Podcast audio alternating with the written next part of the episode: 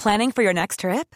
Elevate your travel style with Quince. Quince has all the jet setting essentials you'll want for your next getaway, like European linen, premium luggage options, buttery soft Italian leather bags, and so much more. And is all priced at 50 to 80% less than similar brands.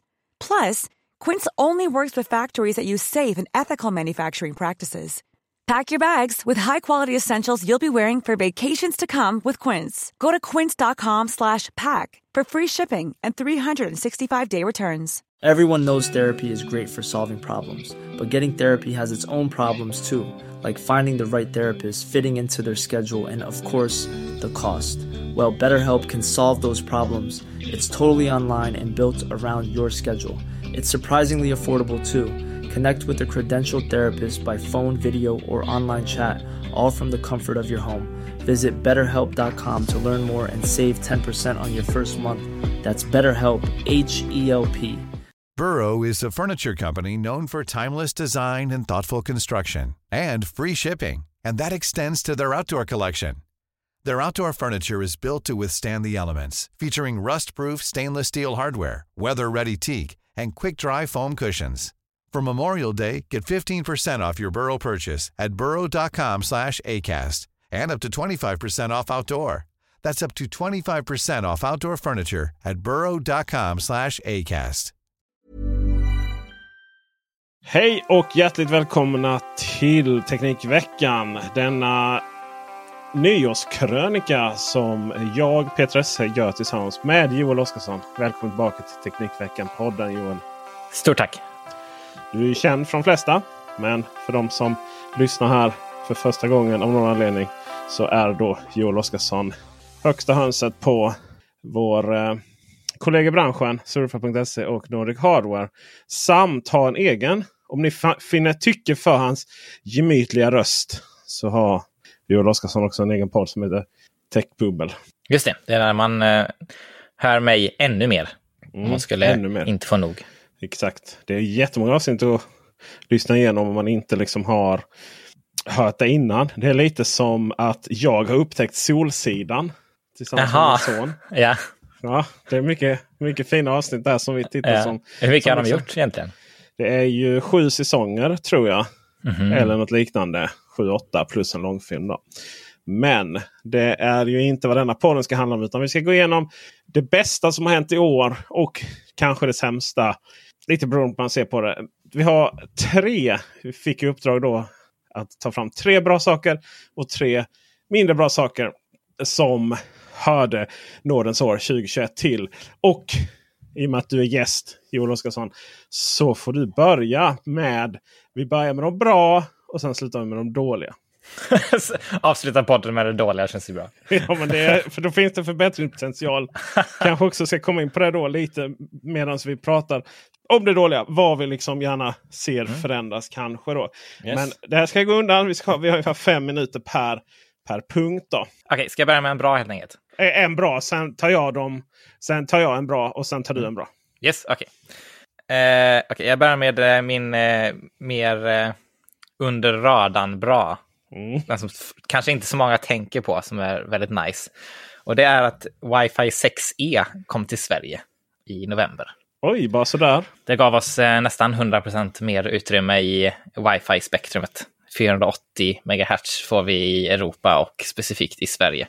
Och detta tänker jag är en sån här sak som den bara hände lite i bakgrunden och sen så kommer vi sitta här i ett årtionde framöver och eh, tycka vad, vad bra det var att vi gjorde den här eh, spektrumförändringen. För nu kan vi använda wifi på publika sammanhang, på ställen med mycket folk och skiten kan fungera till skillnad från tidigare.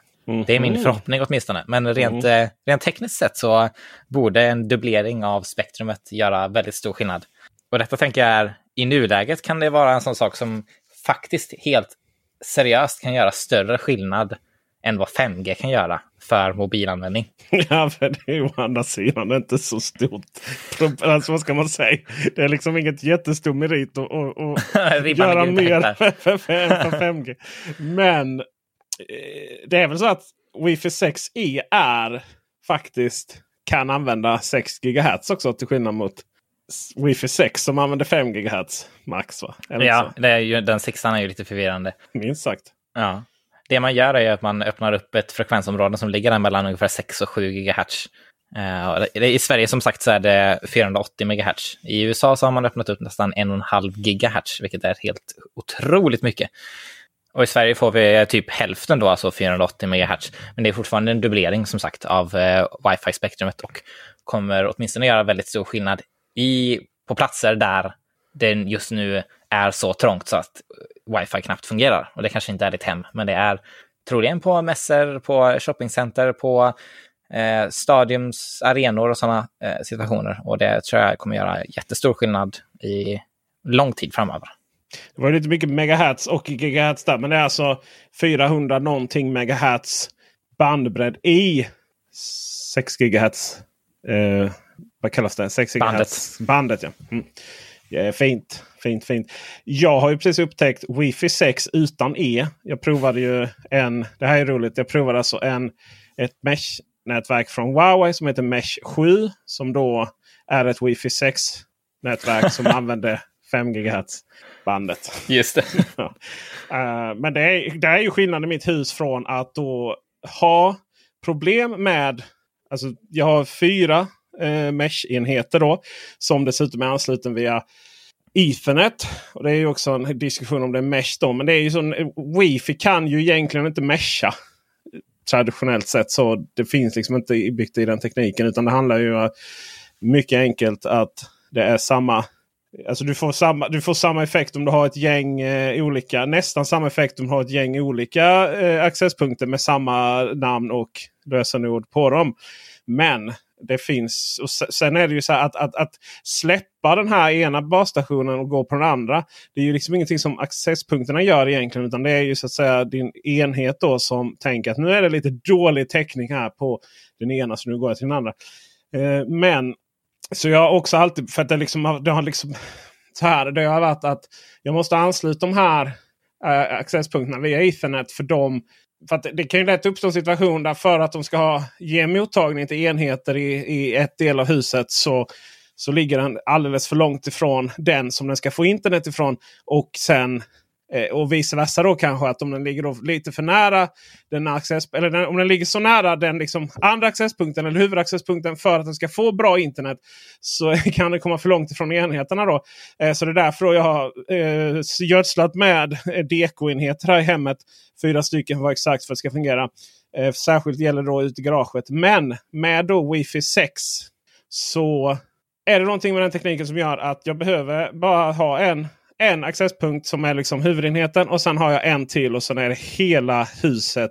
Och då pratar vi alltså 400-500 megabit också. Så det är liksom eh, det är ju oftast bandbredden problemet. Eh, förlåt, alltså bredbandet är ju snarare problemet. Där. Så happy times, happy times när det kommer till nätverk. Det här är ju ett år som jag tycker ändå 2021 är ett år som kommer att definiera, som kommer göra saker och ting klart. Alltså mycket av teknikerna så här. Ja, men nu så kan man köpa just det här. För att nu känns det som att man kan inte göra så mycket på några år. Jag kommer strax till det. Men jag vill prata om en annan sak som är så under radarn. Som egentligen kanske bara folk som är i, inom vårt skrå är intresserade av. Och det är det att 2021 är alltså året då då AMP, som visserligen inte är i Google-teknik, men det är en Google-sponsrad teknik, håller på att dö. Den dö! Ah, ja, okej. Okay. Ja. Mm ja, men AMP var en sån här grej som kom till att okay, det var en massa tunga webbsidor. Och för att liksom snabba på de här då så tog man ju fram någon, någon AMP-teknik som ju då blev som... Då skulle man skapa speciella AMP-versioner. AMP. Vad står det för? Vet du det? Apply? Uh, accelerated Mobile någonting tror jag. Någonting sånt ja. Um, och um, Dammit, det var för många definitioner där för att man skulle kunna smyg-googla medan man pratar. Och då tog man liksom fram speciella versioner av det. Och det, var, det var ju ganska dyrt. och det var liksom det var många, många tidningar.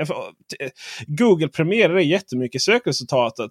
Men så det var liksom många tidningar, nyhets, nyhetssajter och sånt som tog fram det. Men sen uppstod det här liksom att andra tekniker blev snabbare eller folk blev duktigare. Och helt plötsligt så var det liksom så att AMP-sidorna inte var de snabbaste. Men Google premierade dem ändå jättemycket. Och man ska liksom inte behöva göra om sidor. Utan det ska finnas en webbsida som beroende på vilken webbläsare den är. Om det är på datorn, om det är på mobilen, på iPaden, om det är en skärmläsare för man är blind. Alltså alla de här, det ska liksom gå att presentera. Samma sidor ska kunna presenteras i alla olika enheter. Och Google insåg väl det här också. Det var lite så här, du vet, det var väldigt så här Google 2020 framförallt var det tror jag, sista året som man kanske egentligen det gick åt fel håll det här med att Google kontrollerade saker och ting. Um, nu är det lite så här att ja, men vi håller på att få en lite öppnare webb. Nu, är det, nu handlar det liksom om istället för att skapa speciella webbsidor så handlar det helt enkelt om att göra webbsidorna så snabba som möjligt. Och sen också då att man följer det som kallas Web Vitals. Vitala webben. Eh, och då handlar det liksom om hur man laddar fram innehåll, innehåll på olika sätt. På prata blekingska eh, innehåll på olika sätt. Det vill säga att det som, det som ska synas först laddas, laddas först. Istället för att man laddar fram hela era webbsidan. Och massor av sådana tekniker. Så det, det är kul. Mycket kul eh, gillar jag. Har vi, har vi någon kommentar på detta mer än att din, liksom ditt nästan skrik där började om lättnad? uh, nej, eh, det som gjorde mig mest, mest frustrerad med AMP var hur oärliga Google var med det vid lanseringen. Bland annat så hade man ju någonting som kallades för eh, News Carousel som längst upp i sökresultaten valde ut nyheter som Google tyckte var mest intressanta, där man hade en specifik AMP-karusell. Så att om man, om man använde sig av AMP så kom man då i en specifik karusell längst upp där man fick fler klick. Mm -hmm. Och det var ju mhm. Googles sätt att tvinga folk dit, annars mm. så gjorde du inte det så förlorade du massa trafik. Och eh, det var ju så otroligt fult sätt att dra in den eh, tekniken på. Så bara det fick mig att vara irriterad på AMP utöver alla andra anledningar. ja, nej, men det symboliserar mycket det här att man någonstans hur mycket kan ett företag faktiskt styra? Eh, och det är ju, vi är ju väldigt, alltså CEO är ju liksom, ja men då har vi 95, 96, 97 procent Google och sen ska man prata lite om Bing också för att det ska verka. Som att man inte yeah. helt... Ja. Men eh, jag tror att det, det, blir bättre och bättre. Uh, och uh, det, det, att, att det skulle försvinna utannonserades ju i november 2020. Men det var just att år 2021 med början där här nu så, så liksom kommer det förändras väldigt mycket om vad Google premierar. Vad har du som nummer två på Nice-listan? Nummer två är kanske min bästa. Det är eh, fighten för Fight to Repair, eller mm. vad man nu vill kalla det. Har tagit helt sjuka framsteg 2021. Vi har ju gått eh, och bara gått bakåt känns det som i ett årtionde åtminstone. Detta året så började vi med att eh, i Frankrike så lanserades ett indexsystem för eh, reparerbarhet som gör det enklare för konsumenter där att eh, se vilka produkter som är enkla att reparera. Och eh, det tror jag är ett viktigt sånt policyframsteg i Europa som vi kommer se konsekvenser av framöver. Och som ett ganska direkt resultat av det så såg vi kraftiga förbättringar från stora företag såsom till exempel Samsung som har kraftigt förbättrat tillgängligheten för manualer och tillgängligheten för komponenter i Europa som gör att det blir mycket enklare och billigare att reparera Samsungs produkter. Sen utöver det så har vi sett eh, Microsoft eh, lova en framtid med eh, mer reparerbarhet. Apple som har lovat att öppna upp reparerbarhet för konsumenter med manualer och tillgänglighet av komponenter. Där vet vi inte exakt hur det kommer se ut. Det har inte riktigt lanserats än, men det var ändå ett steg, om än litet. Så såg vi lanseringen av Fairphone 4 som jag skulle vilja beskriva som den första rimligt bra reparerbara telefonen. Vi såg lanseringen av Framework Laptop som gjorde exakt samma sak på laptopsidan och nu senast så eh, visade Dell ett koncept eh, på en laptop eh, som visar även att de är intresserade av att göra produkter som är reparerbara.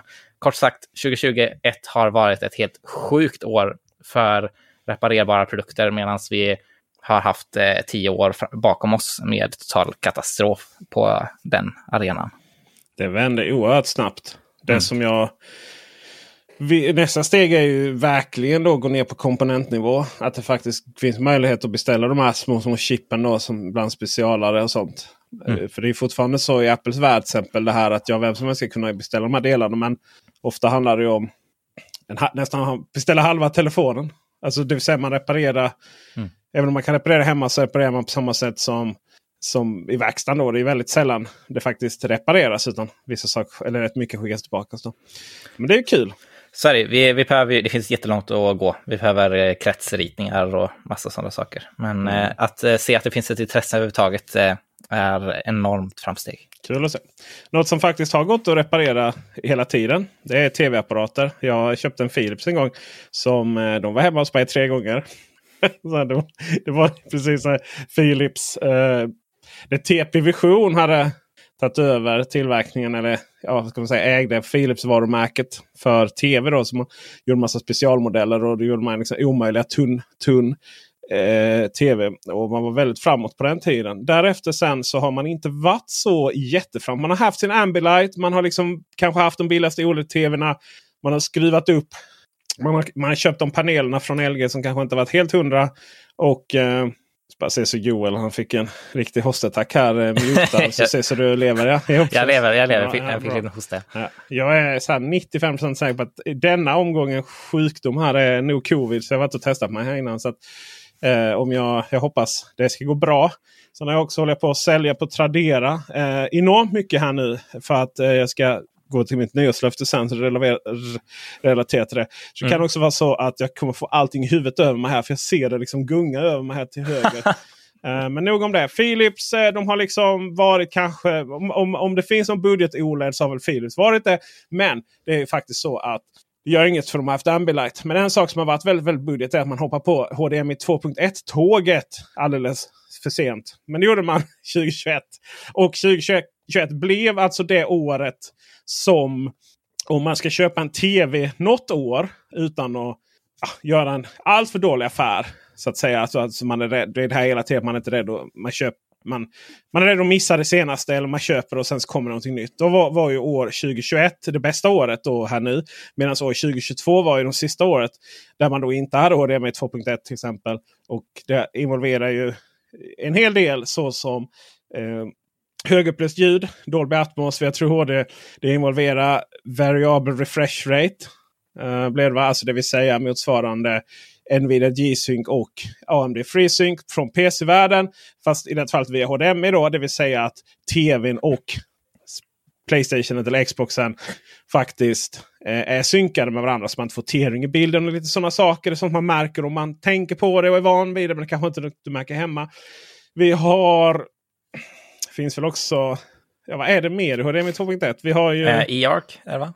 E-ARC är ju det som i och för sig handlar om då, den här bandbredden både när det kommer till eh, hur mycket... Alltså, eh, Dolby, både Dolby Vision och Dolby Atmos. Um, och framförallt också kanske kommande saker. Alltså det finns vissa garant, garantier.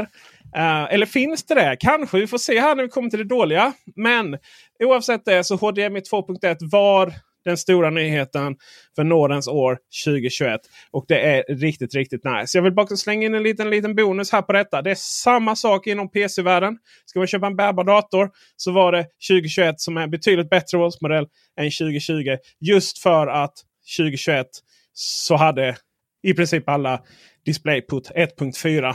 Och vad innebär det? Egentligen mer än att det står 1.4? Jo, att det är ganska så 100% säkert att när du kopplar in den till en 4K-skärm så får du en 4K, du får den 60 Hz. Du, eh, du får till och med om du, om du bara via USB-C-hubbar så får du faktiskt dubbla 4K 60 Hz-skärmar om du så önskar.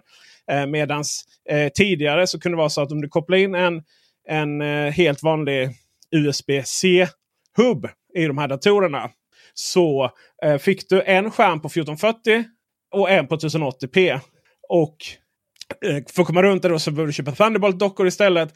Eller DisplayLink-dockor och sådär. Så det är betydligt dyrare. Så där mm. fanns ju liksom en, en, eh, en härlig eh, standardisering då. Av, I och med Intel generation 11-processorerna. Så att både, både när det kommer till tv och när det kommer till datorer så var år 2021 ett väldigt bra år att köpa nya roliga saker. Yes, är det min tur helt enkelt? Nu har du din tredje variant ja, här av positiva saker. Och den sista, så nu får du vara riktigt positivt här. eh, alltså det går ju inte. Detta känns ju som så eh, lågt hängande frukt för att vara, ta ett litet anglosaxiskt uttryck. Eh, vi kan inte avsluta 2021 utan att prata om Apple Silicon. det funkar inte. Och Äh. där vill jag bara slänga in att, juryn, att jag precis plockat ner min extra liv här nu. För jag hade ju egentligen samma sak. men då, då hade jag misstänkt att vi skulle hamna där. Eh, men jag har faktiskt en annan sak då. Skitbra. Vad bra, Eh, bra. Men låt oss prata om detta. Apple Silicon. Vad hände liksom? Jag höll ju på att lämna den här plattformen de senaste fem åren. Och nu Mm. bara... Jag gjorde ju det. Jag Ja. gjorde ju det. Jag, Exakt, jag, har, det blir jag, jag blev så trött på Macbooks. Eh, Jag tyckte de var så otroligt dåliga. Ja. Jag fattar inte varför jag skulle vilja ha en längre. Så jag bytte ju till Windows. Eh, Men oj vad man ångrar det nu. För att alltså ja. Eh, Jag har personligen bara ordentligt testat eh, 14-tummarna av deras eh, Macbook Pro. Sen har jag testat Macbook Air också, men den kom ju förra året. Eh, Men de här datorerna som de har lanserat nu och de kretsarna de har är ju så otroligt bra. Så att det är ju, jag skrev det i mina anteckningar, att det är ju, de fortsätter att revolutionera. För att detta är ju revolution inom eh, datorvärlden. Kanske inte nödvändigtvis eh, baserat på att man kan göra sprillans nya saker, för det är inte så att de här har processorkraft som inte har existerat tidigare, men de ger oss en helt ny användarupplevelse som är revolutionerande. Eh, prata om till exempel effektivitet och vad det gör för batteritid och vad man kan få gjort på en laptop. Eh, både med den processorkraft som finns, eh, den hårdvaruaccelerering specifikt som finns för vissa typer av arbetsbördor såsom som video, men även att man kan göra som, sådana saker ute på fältet nu för tiden, medan de tidigare Windows-laptoparna med liknande prestanda skulle kunna ha en timme eller en och en halv timme batteritid, så att det inte var praktiskt att göra det mobilt. Så på det sättet är det ju, vad man har gjort med M1 Pro och M1 Max är ju revolutionerande för laptops. Och samtidigt så har ju M1 fortsätta, fortsatt vara revolutionerande eh, i andra kategorier. Med iPaden till exempel så fortsätter vi ha eh, frustration över varför iPad eh, mjukvaran är så dålig och att man inte kan utnyttja den hårdvaran som finns. Men rent hårdvarumässigt så har man ju bara fortsatt springa ifrån konkurrenterna. Och eh, Apple är ju en fullständigt outstanding tillverkare av kretsar helt plötsligt. Ehm, och det tycker jag, som en liten nörd som gillar även de här processordelarna av all teknik vi snackar om, alltså de här lite mer ner på komponent och metallnivå, så tycker jag det är så roligt att se Apple som på något sätt en konkurrent till Intel, Nvidia och AMD helt plötsligt. Mm. fall rutan. Men nej, det är ju alltså, en, en PC som skulle kunna, kommer ju inte ens heller i närheten, men de här riktigt högpresterade bärbara varianterna med sina gigantiska utblåst i fläktar och blir jättevarma. De har ju nätaggregat som är tjockare och nästan lika stora som en Macbook. Eh, 14 Ja. Vissa har Det- två till och med. ja, just det. Och det är just 14-tummaren eh, som ju är ju den som jag gick och väntade på. Och den är ju allt det som jag faktiskt gick och väntade på. och Tjatade och gnatade och, och mer därtill. Just det här att du kan göra det som ju ingen annan har lyckats med som content creator. Innehållsskapare på svenska. Du kan ha Lightroom igång samtidigt som var videoredigering igång. Samtidigt som du har liksom flera 4K strömmar samtidigt. Det är ju helt galet. Och så tänker man Jaha, men är det, så här, har jag missat någonting innan? Men jag körde ju lite, vi har vi har tagit upp det i tidigare avsnitt. Men jag, vi, jag körde lite Geekbench mot olika datorer. Och bland annat mot, mot Mac Pro. Eh, se- senast då, vilket ju inte är så sent för den. Så late, late 2019-modellen är det ju Ja. fortfarande. ju. Mm. Eh, men eh, single core så nu är ju single core så slår ju Macbook Air. Alltså lilla skitmodellen. Den slår ju Mac Pro. Eh, men men eh, 17 000 sju- eh, 1771 eh, jämfört med 1161 på Mac Pro. Eh, men det som är helt sjukt är ju till exempel att eh, om man tar den faktiskt Dell XPS 13 som hade någon fete Intel i7-processor från 2020. Som hade multicore score på 4642. Det var ju den fetaste PCn. Och sen så kommer ju Macbook Air M1 då 7455. Sen kommer Macbook eh, Pro 14 tum Max är det ju, har ju för 12 585. Och Mac Pro, Mac Pro sen då har 15 784. Eh, så att den är, men, men, men vi, vi pratar, och den var ju inte gratis. Den, är, den kostar 40 000 eh, min bärbara dator. Men Mac Pro kostar ändå, den varianten kostar 150 000. Mm, mm. Och eh, sen har vi väl Compute Score då så har vi ju. Det är faktiskt Huawei Matebook X Pro 2021. Eh, när det kommer deras Intel Iris Xe-grafik. Kortet då 18461 i Compute Score. Och så ska sägas att eh, Mac Pro nu ligger på, och det är ju en AMD Radeon Pro Vega 2 på 84 500. Men Macbook Pro 14 tum M1 då. Den lilla, lilla, lilla bärbara datorn som liksom tar, har mindre än 100 watt eh, laddning. Det är 16 tum man har ju 140 va? Mm. Eh, och det är också för att kanske maxa på när den verkligen kör. Den är nog på 42 443. Alltså det här är ju, det här är så sjukt för det här är ju liksom spel... Alltså, det här är ju den iMacen som kommer släppas nu i början nästa år. Mm. Alltså den spelprestanda den kommer ha. Mm. Det är, bara det är ju helt sinnessjukt. Äh, svårt. Och du, du använder ordet revolutionerande många gånger. Nu har ju Apple förstört det. I mm. Apple-världen betyder ju inte det någonting. Men det är klart det här är ju helt revolutionerande för branschen. Man undrar ju lite. Det finns ju vissa utmaningar naturligtvis med att ställa om till den här typen av ARM-processorer inom PC-världen. Och det handlar ju om att det finns många kockar inblandade i det. Och Microsoft, ska, Microsoft ska med på tåget, mjukvaruutvecklarna ska med på tåget. Intel ska med på tåget samtidigt som Qualcomm då blir en jättestor konkurrent. Alltså man försöker skydda, skydda marknaden samtidigt som man är... Ja, och vad Intel gjorde i vanlig ordning det var att försöka göra då reklam mot Apple. Mm. Uh, så jag vet inte vad, vad, vad, tror du snabbt, megasnabbt, vad tror du PC-tillverkarna kommer liksom kontra med nu nästa år? Uh, samma saker som förut. Okej. Okay. Ja, fast det går ju inte. Man kommer ju... Nej, det är, alltså, det, alltså, du får tycka att det inte går, Peter. Jag bara säger vad sanningen är. fast det, det, det, det tvingar ju fram alltså, panik med så mycket pengar. Det är klart att de tvingar fram... Men det är ju, jag, jag tänker så här, Apples... Apples specifikationer på de här ARM-processorerna handlar väl väldigt mycket om att... Visst, det handlar väldigt mycket om att optimera mjukvaran naturligtvis. Mm. Men jag menar det är väl... ARM-processorer kan vem som helst tillverka och så häver du in lite effekt på dem så är det klart. Liksom. Eh, alltså det bästa de kan hitta på på PC-sidan nästa år kommer ju vara Intel Alder Lake och eh, den Big Little-arkitekturen som de har där. Alltså eh, små och stora processorkärnor i en mobilkrets det har de ju mm. inte haft tidigare. Ehm, så det är det de kommer ha, men det är fortfarande X86. Det kommer vara samma operativsystem. Så det är därför jag menar de kommer göra samma sak som de gjort tidigare. Okej. Okay. Alright, alright, alright. Eh, I och med att du tog eh, Apple M1 så ska jag faktiskt lyfta fram som en tredje mycket bra grej då. Och det var ju faktiskt så att vi har pratat om det innan. Microsoft Game Pass är en sån här, var ju förra året så teoretiskt väldigt bra produkt. Du betalar någon hundring i månaden mindre än så om du bara vill spela på Xbox. Och då har du fått tillgång till ett rad massa härliga spel helt enkelt. Men det har ju varit mycket klassiker och sådär. Det har ju liksom inte varit de... Det har inte funnits några AAA-spel riktigt så. Det har varit några men det har inte riktigt varit. Men i år så har vi både fått se Forza Horizon 5, Microsoft Flight Simulator och nu även Halo Infinity. Infinite heter den. Och jag menar, det, det, det här är ju spel för en kostnad på jag menar om du ska köpa spel idag. Det är ganska mycket pengar. De är uppe i runt 700 kronor. Så att jag menar ta, bara ta 700 gånger 3 då. Eh, 2-1 och blir det? Jag kan ju inte matte. Mm. Ja, då. Mm. ja. Och eh, det är ganska många månads peng, peng för det så att säga. Och jag menar de fortsätter ju skicka ut spel och de har ju, de har ju köpt eh, Skyrim-utvecklarna och Fallout-utvecklarna. Och, äh, de, eh, Microsoft bara, just när det kommer till Xbox så bara levererar Microsoft igen och igen och igen. Kul att se. Det är ju den eh, bästa idén de har haft inom gaming på väldigt länge. För att hela förra generationen var de ju ganska dåliga, får man ju säga. Eh, och detta kan ju bli den idén som eh, de kan vinna med på sikt.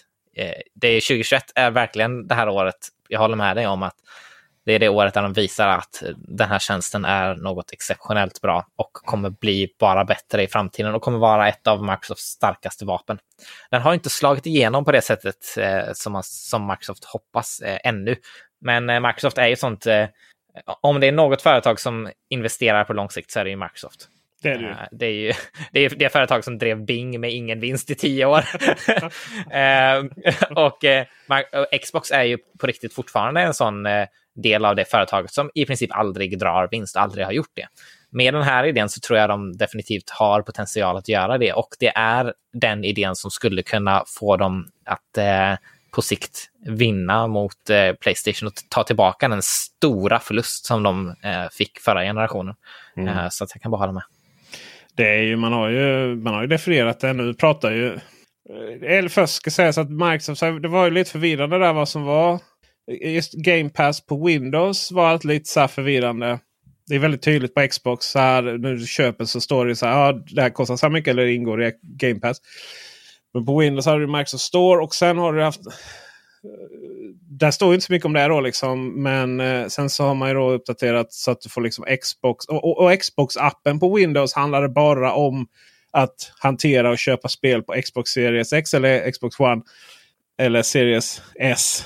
Här har vi lite förvirring. Medan mm. nu då så, så samkör man det med nya Windows 11. Windows 11 är väl en sån här grej som egentligen hade kunnat hamna under dåligt. I alla fall som en bubblare. För det är liksom en väldigt konstig lansering. Mm. Uh, men det är inte med på min lista i alla fall. Men eh, nu, nu tror jag att det blir än, än mer tydligare. Och Sony har ju liksom småhintat, eller om det är läckor, är lite osäker på att man faktiskt ska samköra sin sån här Playstation Now och Playstation Plus-tjänster. För det är ju, Microsoft hade ju sin Games with Gold eller vad det var. Eller vad den hette liksom. Där du då fick gratis. Alltså, mm, lite otydligt. Eh, men det är nu integrerat i det. Och det kommer väl naturligtvis Sony också behöva göra. Och för det verkar ju som att Alltså jag, jag är ju så här, jag, det finns, jag, finns inte en tanke på att någonsin köpa ett spel för fullpris. Alls nej, faktiskt. Nej. Eh, I alla fall inte på, på Xbox eller PC för den delen. Väntar man på Steam där. Men nu är det dags att gå in på de lite eh, mindre roliga händelserna här under året. Mm. Så eh, som vanligt Joel Oskarsson, min goda herre. Vad har du tyckt har varit lite nasty det här året? Jag börjar med eh, den största floppen. Och det är ju endast på grund av hypen. Och det är Clubhouse.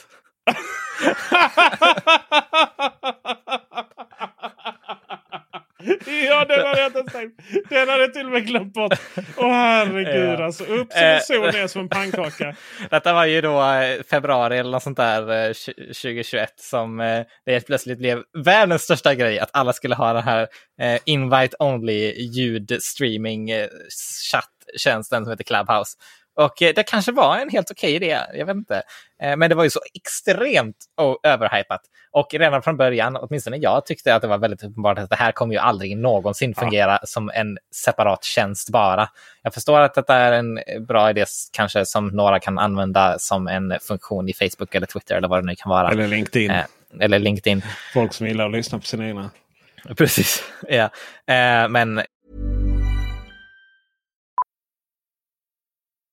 Millions of people have lost weight with personalized plans from Noom. Like Evan, who can't stand salads and still lost 50 pounds.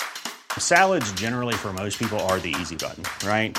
For me, that wasn't an option. I never really was a salad guy. That's just not who I am. But Noom worked for me.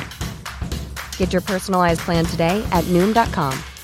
Real Noom user compensated to provide their story. In four weeks, the typical Noom user can expect to lose one to two pounds per week. Individual results may vary.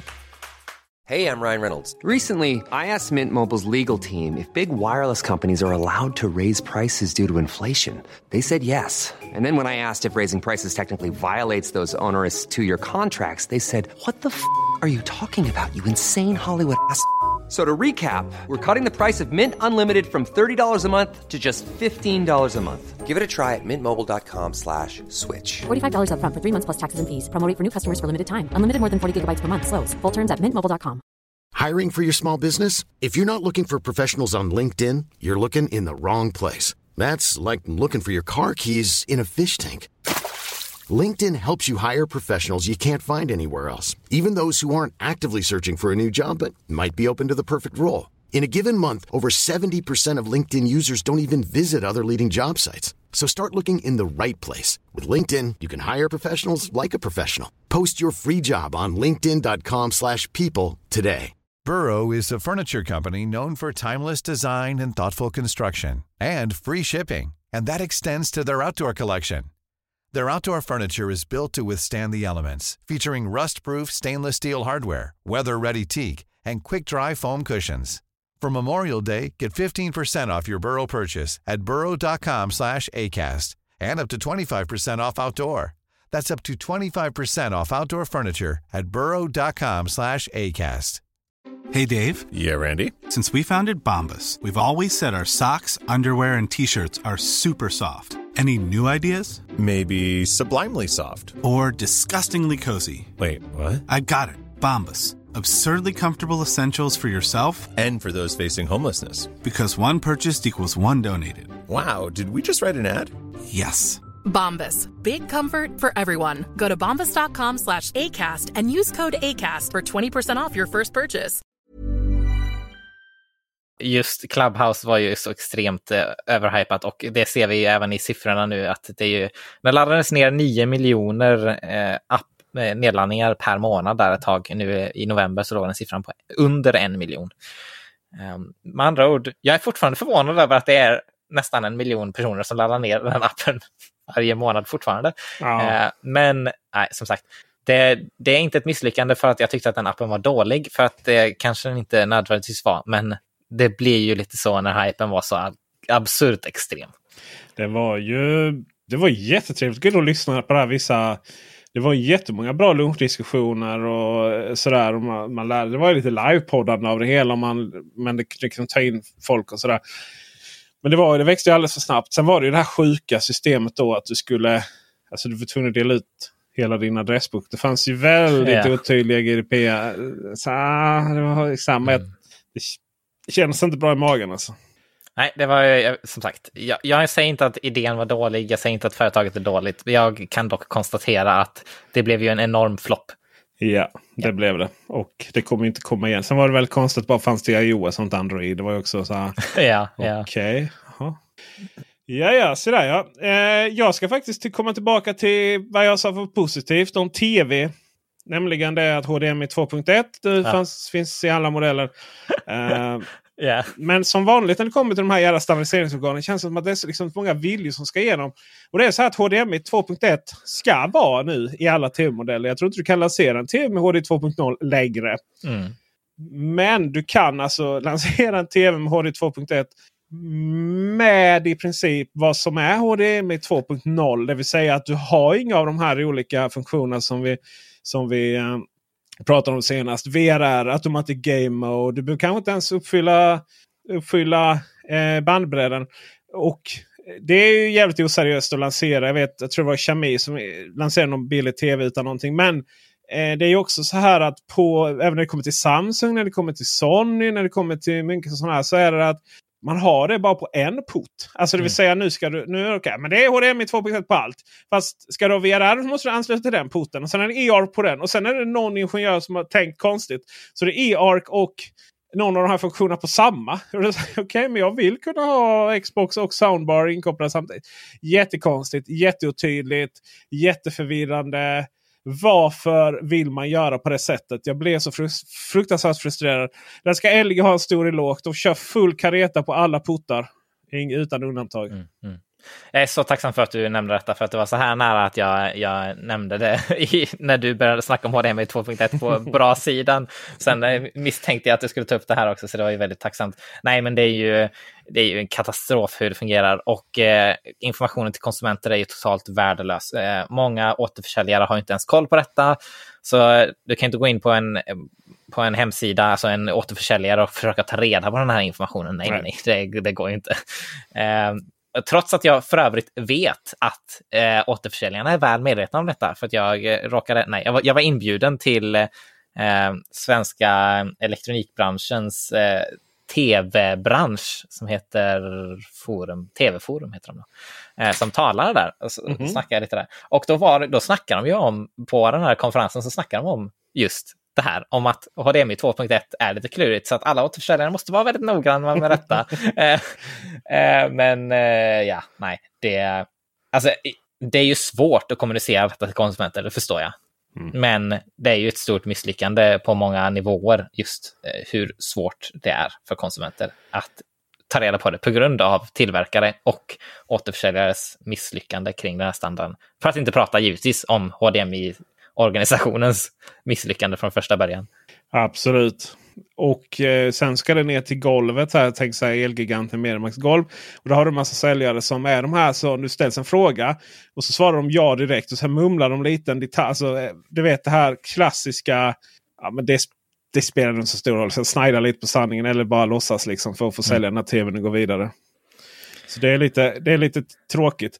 Man har ju dock försökt styra upp det här med de olika HDMI specifikationernas, alltså när du ska köpa kablar och sånt. Där man har lite nya logotyper och så. Men det tar ett tag att slå igenom igen. Nej, man får väl som vanligt så man försöka följa experterna här då. Till exempel Joel Oscarsson. Mm. det, det är ju där. Och få tala om USB och Thunderbolt-dilemmat där. Vad som är vad. Eh, men eh, ja, där ser man. Där ser man. Vad är din nästa grej? Ja, min nästa grej är kanske den mest ironiska grejen som hände under 2021 som sammankopplad med en annan stor händelse. Och det är eh, lanseringen av en produkt som vid det tillfället verkade som ah, tveeggad, men kanske inte riktigt så katastrofalt dålig som det visade sig senare. Och det är Instagram Kids. alltså, ja. ja, just det. det mm. Instagram Kids presenterades som alltså ett nytt projekt inom Instagram att lansera en, en barnvänlig version av Instagram. Som redan då fanns det delade meningar om. Vissa sa att Instagram Kids kommer bli jättebra för då behöver inte barnen vara på vanliga Instagram och det kommer vara bättre för att de kommer använda Instagram ändå. Så varför inte ha en, en säker och bra plats för barnen? Eh, och sen så samtidigt så var det väl många som sa att ja, fast kanske vi kanske inte ska uppmana barnen till att använda Instagram mer. Vi kanske inte ska ha en plattform där vi samlar in data specifikt för barn. Kanske det är bättre att bara försöka inte få barn att använda Instagram kanske. och sen eh, hela den här eh, storyn slutade ju i eh, en kvinna som valde att lämna Facebook och eh, gå ut i medierna om eh, hur Facebook ser på eh, problem på sina plattformar. Och där dog ju hela detta projektet för att det funkade väl inte längre internt ens. Eh, att eh, driva det här projektet. Så eh, ja, jag skulle se det som ett stort misslyckande. Mm. Det finns för två saker att säga. Dels så var det ju en del av kom ut sådana här undersökningar som sa att Facebook var medvetna om, eller Meta, just det. Meta, just det. Ja. Ännu en jävla bubblare att med på listan. Men eh, Meta då, eller dåvarande Facebook, medvetna om att det var skadligt. Sen har man gått ut och försökt så att säga eh, vad heter det, kris, eh, kriskommunicera bort det. Att nej men det var inte så det stod och så vidare. Jag har ingen aning vad, som, vad det var eller vad, exakt vad man kom fram till. Men det jag generellt sett tycker är intressant är att det är många på de stora techbolagen som har fått lite nog. Det har varit mycket på Apple. Det har mm. varit alltså, visselblåsare. Det har, man har gått samman. Eh, som vanligt pratade jättemycket om union busting och olika sådana. Vad som händer på Amazon. Google har ju också ett gäng som har tröttnat. Folk som har fått sparken. Klassiskt på de här bolagen är ju att de får sparken för att de har läckt företagshemligheter. Så lite otydligt vad det har varit för hemligheter. Men just det här att eh, du vet mycket klausuler man inte får prata om företaget. Och det är svårt att prata om företaget om man ska vara kritisk mot det. Mm. Eh, jag tror det är mycket på G där. I, eh, på de stora techbolagen generellt sett. med ett uppvaknande så att säga. från flera håll. Ja, helt klart. Eh, och eh, som sagt, jag, jag, tycker att just Instagram Kids är särskilt eh, ironisk just på grund av vilket år det händer i. Inte mm. nödvändigtvis att produkten i sig var så katastrofal. Det känns lite som Clubhouse. Den, eh, Instagram Kids är särskilt dåligt på grund av sitt sammanhang. Mm. Mm. Ja, jag vill ju fortsätta för jag vill ändå liksom... Det var ju mycket, vi, vi pratade jättemycket om det förra, förra nyårs eh, krönikan då när Billy från M3 var med. och när komponentbristen och eh, de här priserna som utannonseras på grafikkorten och sen säljs det för helt annat. Och så. Eh, det var ju förra året, men lyckligtvis så släppte Nvidia då 3080 och 3070 Ti här i år i juni. Så jag, jag får ändå liksom kritisera dem.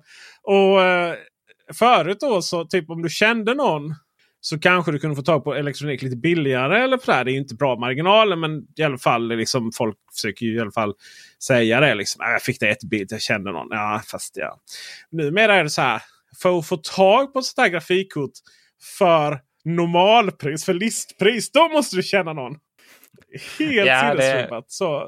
Och, mm. och de här återförsäljarna liksom, de, Många av de svenska de har inte liksom haft, de har inte sålt de här via vanliga, vanliga kanaler. Utan de har fått sälja det liksom via paket och så vidare. För de är så rädda att det ska vara, folk som köper upp dem i batchar och säljer dem eh, vidare för, för ockerpris och så vidare. Men sen har ju sakta men säkert har ju, jag menar det är ju mark marknadsekonomi, sakta men säkert har ju priserna, har ju priserna gått upp så mycket eh, ändå.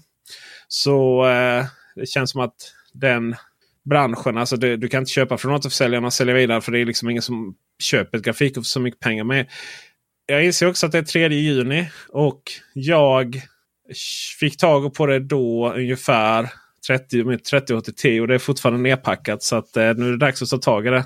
Jaha. Eh, och få installera. Men Ja. eh, i vilket fall som helst så det är fortfarande liksom komponentbrist. Det är fortfarande man sätter priser som är lockpriser från ja, både AMDs och Nvidias håll.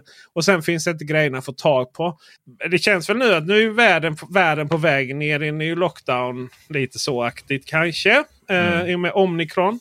Och, eh, men att det känns som att folk har köpt sin hårdvara nu. Jag tror inte alls riktigt det kommer vara samma problem att få tag på grejer generellt kanske.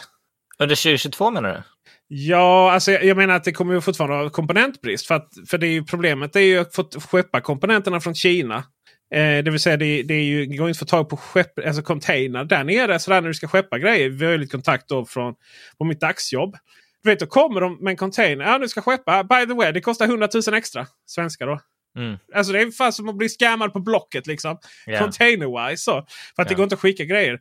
Men eh, mycket av det som folk inte fattar under 2020 delvis och 2021 det var ju också att det tillverkas väldigt många grafikkort och det tillverkas väldigt många Playstation och tillverkas väldigt många Xboxar.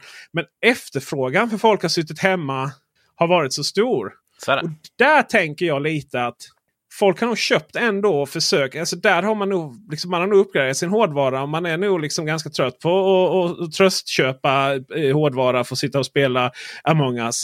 Eh, hela 2022. Så frågan är om inte det kommer på det hållet minska lite efterfrågan. Däremot kommer det ju fortfarande vara väldigt svårt att och skicka, eh, skicka saker till Europa. då. För att det som händer är att vi hade, eller så som man tror händer, för det är ingen som riktigt har koll på hela det. Eh, hade en intervju med en som jobbar inom logistikkedjan då, eh, i en podd, Fredrik Svedberg för ett tag sedan. Och mycket ska visst handla om att du pumpar de här containrarna fulla i Kina. Skickar dem till Europa och lastar ur dem och sen blir de stående där. För det finns liksom ingen anledning att skicka tillbaka dem. Eller vad man ska säga, för att det är liksom, turerna går inte åt det hållet. Mm. Um, och också då att det helt enkelt inte finns plats i de här hamnarna i Kina. och sånt. Så att, ja, vi får väl se. Men generellt sett så vill jag ändå ge en känga till att Dels hela det här liksom att herregud vad svårt det är att få tag på grejer. Just det, jag hade en elektriker som eh, han skulle installera en ny, ett nytt skåp här nere. Eh, fixa ordning. Eh, för det är så. Sätter man på kaffebryggan så går internet och lite sånt. Ja. Och det som gör att det tog lång tid var att han fick inte tag på plastkåpan för den var restad. Plastkåpan liksom till vad då? Plastkåpan till skåpet. Alltså där Jaha. man sätter över alla dvärgbrytare och sånt. Då är det så här, Okej, nu är fan här plasten slut också. Ja. ja, då är det riktigt surt. Ja. Ja, det, är ingen, det är ingen krets i plasten gissningsvis. Nej, det är ingen krets i, i, i plasten förhoppningsvis. Eh, men däremot så ska det ändå skeppas och tillverkas väl typ i en fabrik i Kina. Liksom, typ så. Så. Jajamensan. Vad, vad har du som... Du är inne på din tredje grej nu va? Ja, det kommer min sista grej. Ja. Det är Microsoft Edge och Windows 11. du Som fick du med nämnde. Windows 11 ändå. Jajamän. vad glad jag blir. Ja. Eh, Windows 11 var en liten blandad lansering. Det, I slutändan var det ju som nya operativsystem från Microsoft alltid är så är det ju den förra versionen fast lite bättre och kanske lite reskinnad. Alltså så har det alltid varit och det är inte konstigt. Det är ju, de har ett enormt operativsystem, det är inte så att de ska skriva om hela varje gång utan eh, de uppdaterar lite, släpper, eh, uppdaterar vad heter det, utseendet lite och så slänger de på ett nytt namn. Lite så var det ju. Och eh, det gjorde ju till viss del att eh, många som har uppdaterat till Windows 11 har ändå fungerat rätt bra för. Och eh, det har ju varit positivt. För att ja, det är ju typ Windows, en version av Windows 10, precis som vi har sett andra uppdateringar Fast av Windows 10. fult. Fast mindre fult, precis. Eh, ja, så att, eh, jag, jag tycker inte att det finns bara dåliga saker att nämna om Windows 11, men en sån sak som vi har så svårt att släppa är vilken katastrof det är med Windows 11 och eh, webbläsare. Mhm. För det är en sån otroligt grundläggande sak i ett modernt operativsystem att man ska kunna välja vilken webbläsare man vill använda sig av. Problemet i Windows 11 är att för normala användare så är det så krångligt så att man vill inte göra det. Och Microsoft, det här företaget som har varit the darling av Silicon Valley de här senaste typ tre åren när alla andra företag blir pissade på. Eh, de har smugit lite i bakgrunden och blivit kanske världens största bolag. Under tiden så har de också haft helt okej okay PR åtminstone. De har gång på gång visat att äh, vi stöttar open source, vi eh, vill göra bra grejer som är bra för konsumenter. Eh, det är åtminstone den bilden som jag får av techpressen. Men i år har det totalt kollapsat under Windows 11 och Microsoft Edge när Microsoft då gör ändringar i Windows 11 som gör det jättekrångligt att byta webbläsare. Eh, sen eh, finns det mjukvara som gör att man ändå kan byta webbläsare ganska enkelt och då eh, jagar Microsoft aktivt de här som katten och musen och eh, när de blir frågade så erkänner Microsoft att detta är exakt vad man vill göra. Man vill alltså eh, se till att folk går till Microsoft Edge och sen vidare till Bing. Och detta beteendet är ju någonting som Microsoft hamnade i enormt stora trubbel med både i USA och med EU till slut. Eh, så man har ju erfarenhet av detta och det för mig blir det en ännu större besvikelse att Microsoft är så otroligt bakåtsträvande och antikonsument eh, i just den här frågan om att eh, nej, folk som byter till Windows 11 ska använda Microsoft Edge oberoende på om de vill eller inte. Man tänker ju lite så här. Mm, varför liksom? För det menar, ja, man mm. lanserade ju Windows. Dels lanserade man ju Windows. Det var ju en 11. Det var ju bara en endast stor peak till Apple där. Du vet, allting ska vara open och det ska vara valfrihet och vi vill inte mm. kontrollera. Men det kändes där liksom bara okej. Okay, ja, fast så länge du använder så länge du bara använder Windows som grund och våra grejer som grund. Så, och by the way, Microsoft Teams är du inbyggt på ett helt yeah. annat sätt. Yeah. Så, så det är så här, alltså den skenheligheten är ju inte att leka med. Nej, och dessvärre så tror jag att anledningen till detta är så otroligt löjlig. Jag tror att det finns två anledningar. Eller tre kanske potentiellt. Eh, den första är att de vill att folk använder Microsoft Bing. För att de vill vara som Google. De vill tjäna pengar på annonser. Den andra anledningen är att de vill, vill att folk använder sig av eh, Microsoft Start, som det heter nu för tiden, MSN News för att få nyheter och annonser därifrån. För att de vill vara som, som Google. De vill tjäna pengar på annonser. Och den tredje anledningen är att de vill att folk använder sig av Microsoft Edge. För att nu har de satsat på detta och de vill ha lite heder. Och det är någon chef som har sagt att i slutet av det här året så ska ni nå den här siffran. Och sen så är detta det enda rimliga sättet att nå den siffran. Jag tror att detta, jag tror att detta är eh, chefer som bestämmer att man ska nå vissa målsättningar mm. och sen i slutändan så resulterar det i att för att kunna göra det rimligt för att de här målen var så högt uppsatta så måste man eh, förstöra användarupplevelsen. Jag tänker så här, Microsofts affärsverksamhet just nu är ju Azure och de här stora mm. grejerna. Mm. Alltså där, där Microsoft har visat enkelhet. Jag menar okej, okay, du har ett Microsoft-konto du, för Office då kan du liksom bara starta igång utvecklingsmiljö på Azure. Alltså, Azure där man visar liksom öppenhet och enkelhet. Där går det bra. Det har, ju aldrig, det har aldrig gått bra. Det har aldrig slutat väl när Microsoft har försökt tvinga in oss i någonting. Det var ju den gången i och för sig när de mördade Netscape. Då. Det var ju när liksom, Internet Explorer ja. Men det var, det var ingen rolig historia. Och jag menar Bing och det här med sök. Jag menar, det, det kan inte vara en... Det måste vara en pytteliten marknad jämfört med de extrema pengarna de tjänar på Azure. Ja, och där tror jag det är, det är en problem, ett problem som grundar sig i att Microsoft har en väldigt konstig självbild. Och de verkar vara så besatta av att vara någon annan än de är. De måste ha Surface-produkter, inte för att de tjänar pengar på det, för det gör de verkligen inte. Utan för att de vill göra produkter som ser ut som Apple, så att de kan vara de här coola mm. Eh, pojkarna och också. Butikerna och det, ja, ska, här, precis. Exakt. Den mobiltelefonen där de gjorde med dubbla skärmar som visserligen är väldigt stygga. Alla sa att ah, det är världens snyggaste gångjärn. Men den är ja. helt värdelös. Ja, och, det, och det, eh, Microsoft är så besatta, åtminstone på konsumentsidan, av att vara någon annan mm. än vad de själva är. De vill vara som Apple och de vill vara som Google Så, så har de ingen aning om hur de ska kunna genomföra det, så gör, gör de det jättedåligt. Men där är ju både Google och Microsoft amatörer på hårdvarusidan. Det båda mm. egentligen försöker vara som Apple. Jag menar, det är ju så skämskuddar de är intresserade i hårdvara. Det är så jättelustiga beslut när de uppgraderar Nest Mini till, till eh, Eh, eller vad säger, Google, Mi, vad ska säga, Google Home Mini, den minsta, så till från, och blev Google Nest Mini, alltså nästa variant. Då gick de från micro-USB till vad man hade förväntat sig. USB-C kanske? Nej, nej, en helt vanlig AC-adapter med egen du vet, och alla de här de har inte en gemensam kontakt överhuvudtaget. Ehm, de, eh, Google Home, det är så här, ah, ena dagen funkar det här kommandot, nästa dag får man köra andra och sånt. Alltså det, det är amatörafton på det hela. Mm. Men jag vill ändå avsluta med att dissa Apple. Vad okay. är min skärm? Alltså det är så här. Jag vill ha... Ja men det finns inga bra skärmar. Nej. Det finns ingen skärm som är snygg den storleken jag vill ha och tillräckligt högkvalitativ. Mm.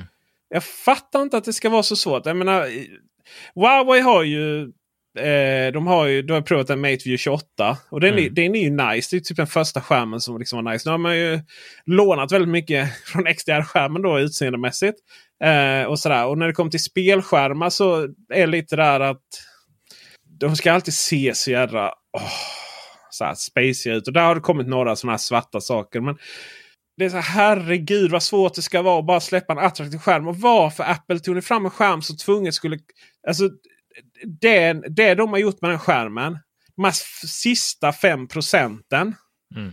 Är ju det som liksom kostar de där extra 40 000. Och det är liksom, ska du ha de där sista 5 procenten, vad ska du ha dem till egentligen? Då är det bättre att köpa liksom en referensmonitor som bara är till för att visa video. Eller, eller liksom en megakalibrerad eh, bildskärm just för foto. Så Apples, liksom, du vet, den, ha, den hade ju inte sin målgrupp överhuvudtaget. Och även, du vet, även om man hade haft råd med den så var det så här, men herregud man vågar inte köpa den hela skärmen för det kan ju komma en ny skärm. Det måste komma en ny skärm. Yeah. Eh, så. Men, men där har man ju... Där, där, hopp, där tror jag att väldigt mycket kommer förändras under nästa år. Eh, det har varit ett otroligt dåligt skärmår. Eh, 2021 då, tv, ja. Bärbara datorer, ja. Både Apple, verkligen Apple, men även PC. Och sen har liksom skärmarna inte hängt med. Skärmarna som har gaming-skärmar, de har inte stöd för exempel HDMI. Eh, eller framförallt VRR då på HDMI 2.1. Så att du kopplar Xbox och eller Playstation så har du liksom inte fått din, eh, din, din synkronisering mellan eh, framerate och hertz. Um, medans, och sen har det liksom varit så här att ja, du, du kan få gamingskärmar med viss VA-panel. Men då kan du överhuvudtaget inte sitta och, och, och vara grafiskt arbete med. Eh, uh, ser ut som på sig skridskor liksom. Och sen så har du då IPS-skärmar då, men de har bara varit 60 Hz. Eh, OLED har lyst med sin frånvaro. Det har lanserats några OLED-skärmar från LG som ironiskt nog inte är LG-paneler. Det är ju liksom, mm, mm. Ja, okay, för LG vet inte eller har inte vetat att man gör små sådana. Det är så här, vi har LG till, vi har OLED till tv, vi har OLED till mobiltelefoner, vi har OLED till någon platta. Men fasen har inte funnits i PC-skärmarna. Och det är ju där det är som vackrast. Det är ju där du sitter liksom. Åh, det är så frustrerande. Så att allt jag velat ha är ju en OLED eller kanske eh, vad heter det, mikroled. Inte mini-led. Nej, jag blandar alltid ihop det. Vad är mi mini-led heter det va? Ja, det är det, det, det som, som Apple har. Ja. Mm. Mikroled är ju det här Samsung stora The Wall-TV. Mm, va? Som, ja, som inte, ja. Och, och sen, ska ni, sen är det så här, man kan inte bara göra en snygg skärm. Herregud, vad ska, det ska vara så jävla svårt att ha en snygg skärm. Och sen vill jag inte ha det här matta, matta filtret som ska liksom smeta ut eh, lysrören på kontoren. Utan jag vill ha det här glansiga, härliga som Apple har på sina skärmar. Och sen är jag glad. Sen, sen är jag lycklig. Alltså nu har jag fått min bärbara Mac liksom. Och, och det kommer kanske iMacen då som kommer komma. Förhoppningsvis en fantastisk skärm i den. Men jag vill ju ha en, jag vill ju ha en, en eh, extern skärm. Och det kommer, verkar komma väldigt mycket godsaker nu nästa år också ändå. Eh, både Apple ryktas komma med uppdaterad XDR-skärm som är både billigare och bättre kanske. Eh, LG håller på att ta fram massvis med hemliga paneler. Något ska väl till iMacen. Eh, man har tagit fram, man har lanserat egna nya uppdaterade OLED skärmar kommer här nu. Eh, så det händer jättemycket. Så för fasen tur att man har väntat. Men nådens år 2021 har varit ett tråkigt skärmår. Ja, jag kan hålla med. Alltså det har inte hänt någonting alls. Nej, det är ju det som är tråkigt. ja, verkligen. Men det, alltså det är inte så här, det är ingen, det är ju ingen liksom. Det är ju inte skrivet i sten att det inte ska hända något på skärmfronten. Nej, det är Alltså, det är faktiskt ju- tvärtom. Men någonstans känns det som att man någonstans känns det som att det där har varit några år. Att det har varit skittråkigt. Mm. Eh, så. Och nej, fy fy. Ja, nej, det behövs lite uppfriskande där. Och det jag mest ser fram emot är att den branschen blir lite uppfriskad i hur de tänker överhuvudtaget. Vi behöver se bildskärmar som är designade med av annat folk. För jag vill bli av med de här katastrofalt dåliga menyerna. Jag vill bli av med bildskärmar som tar 30 sekunder på att starta. Jag vill bli av med den här dåliga designen och så vidare. Det, det, det behövs ordentlig uppfräschning där. Och jag menar, herregud i himmelriket. Varför, du säger menyer, absolut. Varför ska liksom alla de här... eh, Har du olika knappar på undersidan? Du har någon liten mini-joystick som... Men du vet, du trycker alltid fel. Ja. Gud, varför ska Ja, det vara så nej, det, svårt? det är så dåligt. Ja, det, nej, det har inte funnits någon innovation där överhuvudtaget. Um, jag har haft en liten bubblare. Som var sån, jag, hade sån, jag hade ju en bubblare Game Pass då för eh, det positiva. Men jag hade också händelse av att vi skulle vara alldeles för eh, vad heter det, eh, synkade där. Så hade jag en, en liten personlig besvikelse. Det är att Horizon Forbidden West, det enda spelet på Playstation 5 som jag vet om, som jag ser fram emot. Det försenades från mitten av i år till början av nästa år. Tragiskt. Men sant. Ja, det är många som har blivit besvikna på det. Mm, det är, eh, så. Har du några nyårslöften då, Joel Oscarsson? Du, jag har suttit och tänkt på detta oerhört mycket. Så om, du, om du drar in först så ska jag säga min sen. För att eh, jag måste, jag måste findira den lite till. Ja, Om du beställer mat först så ska jag bara bestämma. precis. Exakt. Eh, nej men du, du, de som har poddat med mig har ju sett det du ser nu Joel i bakgrunden här. Kartonger, prylar, herregud i himmelriket. Eh, och, och jag började där jag sitter nu med att bygga om det här garaget faktiskt redan för ett år sedan. Så att förra mellandagarna så var mina förväntningar på att jag skulle liksom fixa ordningen klart här och så. Sen har jag, och så blev det inte. Det, de kartongerna som är bakom mig nu är inte från förra året. Men det har liksom kommit. Det är ju en, det är mycket prylar som kommer in och ut. Och herregud vad... Lite trött faktiskt. Eh, jag har inte haft en ledig helg på hela. Jag har alltså jobbat sju dagar i veckan nu hela året här. Eh, och är lite, lite trött faktiskt. Men eh, det är väl så att nu hoppas jag om jag inte eh, ja, halvt avlider i corona här nu. Så ska det bli ordning här nu på torpet och ommålat här. Så att nu ska min studio här hemma komma upp. Och med den så kommer jag också kunna göra många fler och snabbare Youtube-filmer. Eh, min tanke är att jag ska liksom ha lite sån här, sitta ner och inte så här, göra en och en för någon hörlur eller någon ny telefon och så vidare. Utan jag kommer liksom ha någon så här pryl, någon liten pry, prylshow på några minuter där jag går igenom flera olika produkter varje vecka. Eh, Så det ska bli spännande att se om man kommer igång med det. Men jag har liksom all utrustning. Nu ska det bara fixas ordning sista här. Jag har gigantiskt mycket att sälja på Tradera. Kolla in det. det finns länk i det här avsnittet. Så. Ehm, jag har ju också bytt till Wise här nu. Så jag har fått plocka ner alla mina uppkopplade lampor och installera gamla istället. Eller mindre uppkopplade. Eh, så det är massvis med Hue och Ikea-lampor som säljs också. Eh, Så att mitt nyårslöfte är att få ordning på den här studion så jag kan börja producera betydligt mer YouTube än vad jag redan har gjort. Och det kommer också bli väldigt, väldigt kul att eh, kommer ju nå 20 000 prenumeranter nästa år. Eh, helt troligt för det är, ju- det är nästan det är 18 200 nu. Eh, men men förhoppningsvis så Förhoppningsvis så eh, ska jag försöka kunna komma upp även i 25 000 prenumeranter på Youtube. Som ju är lite av en magisk siffra tror jag. Eh, För mig i alla fall. Det har liksom varit målet hela livet. Så därifrån är allting bara bonus. Men när man har nått 25 000 prenumeranter så är man ändå hyfsat stor på Youtube i Sverige. Kan jag tycka. Det kan jag bara hålla med om och eh, ganska övertygad om att du kommer nå dit. Tack. Eh, mitt nyårslöfte är någonting som jag har hållit på här i eh, massa år. Och det är för att jag har, hållit- jag har hållit en strikt, strikt linje. I, och det är att jag ska inte ha några IoT-prylar hemma. Mitt nyårslöfte 2021 är att innan årets slut, detta betyder inte att jag kommer göra det under början av året, innan årets slut ska jag börja testa lite IoT-prylar. Det kan vara en smart högtalare. Det kan vara en smart lampa. I do not know.